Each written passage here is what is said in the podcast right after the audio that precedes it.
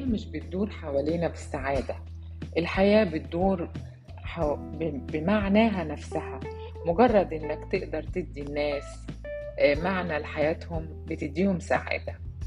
مين قال إن الإنسان على طول المفروض يبقى سعيد؟ ابدا. أنت بتبقى سعيد وحزين وبتتألم. في أحاسيس كتير زي السعادة. الحب بيعمل ألم بس هو أحلى شعور بالحياة. الأمومة كلها ألم وشقاء بس أحلى شعور تقدر تحسه الأم بالدنيا فكرة إن السعادة والجري عليها أو الجري العشوائي وراها مفهومها غلط. مفهوم السعادة لازم يتعدل عندنا ونفكر فيه بطريقة تانية.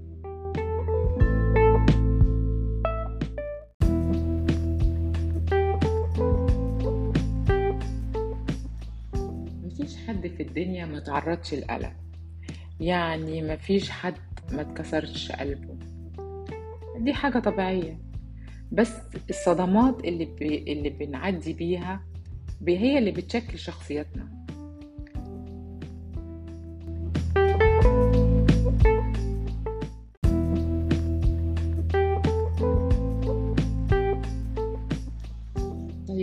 ممكن نربط السعادة بحاجة.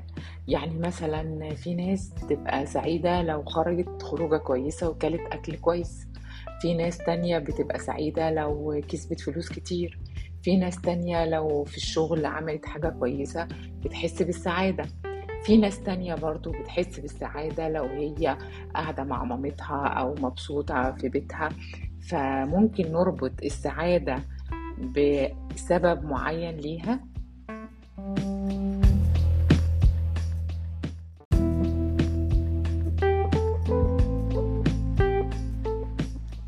كده ممكن نقول إن السعادة ممكن يبقى ليها معيار يعني معيار لقياس السعادة.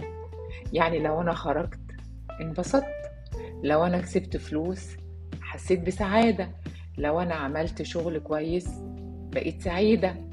يبقى فعلا السعادة ممكن ليها معيار للقياس.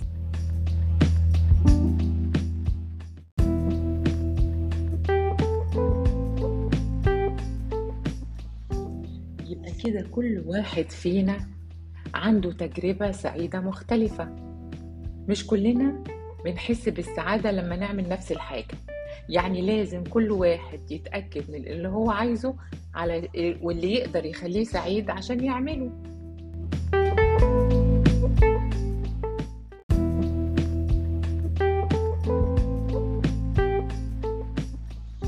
الندم.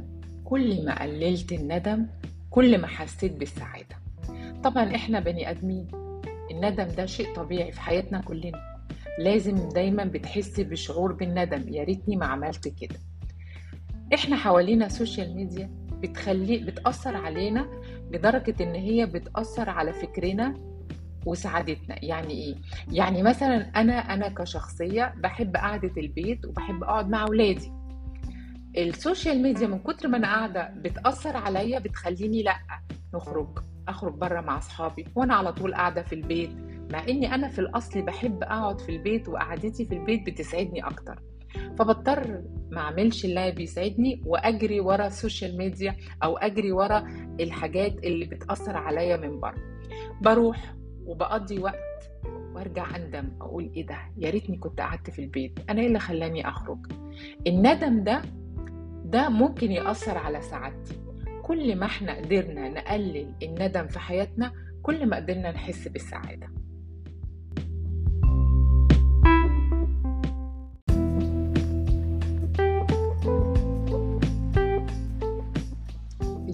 ميديا حطت standard للسعادة ومعيار للسعادة.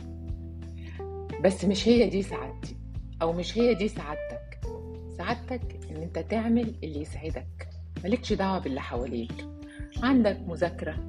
ما تقعدش تفتح بقى فيسبوك تفتح إنستجرام وتقعد تبص وتضيع وقتك. بعد كده تندم إن الوقت ضاع. لا. سعادتك إن أنت تشوف إيه اللي في الآخر بعد ما تعمله يحسسك بالسعادة. يا ريت كلنا نفكر التفكير ده ونبعد عن الحاجات اللي بتأثر علينا وفي الآخر بتجيب لنا إحساس بالإحباط وعدم السعادة.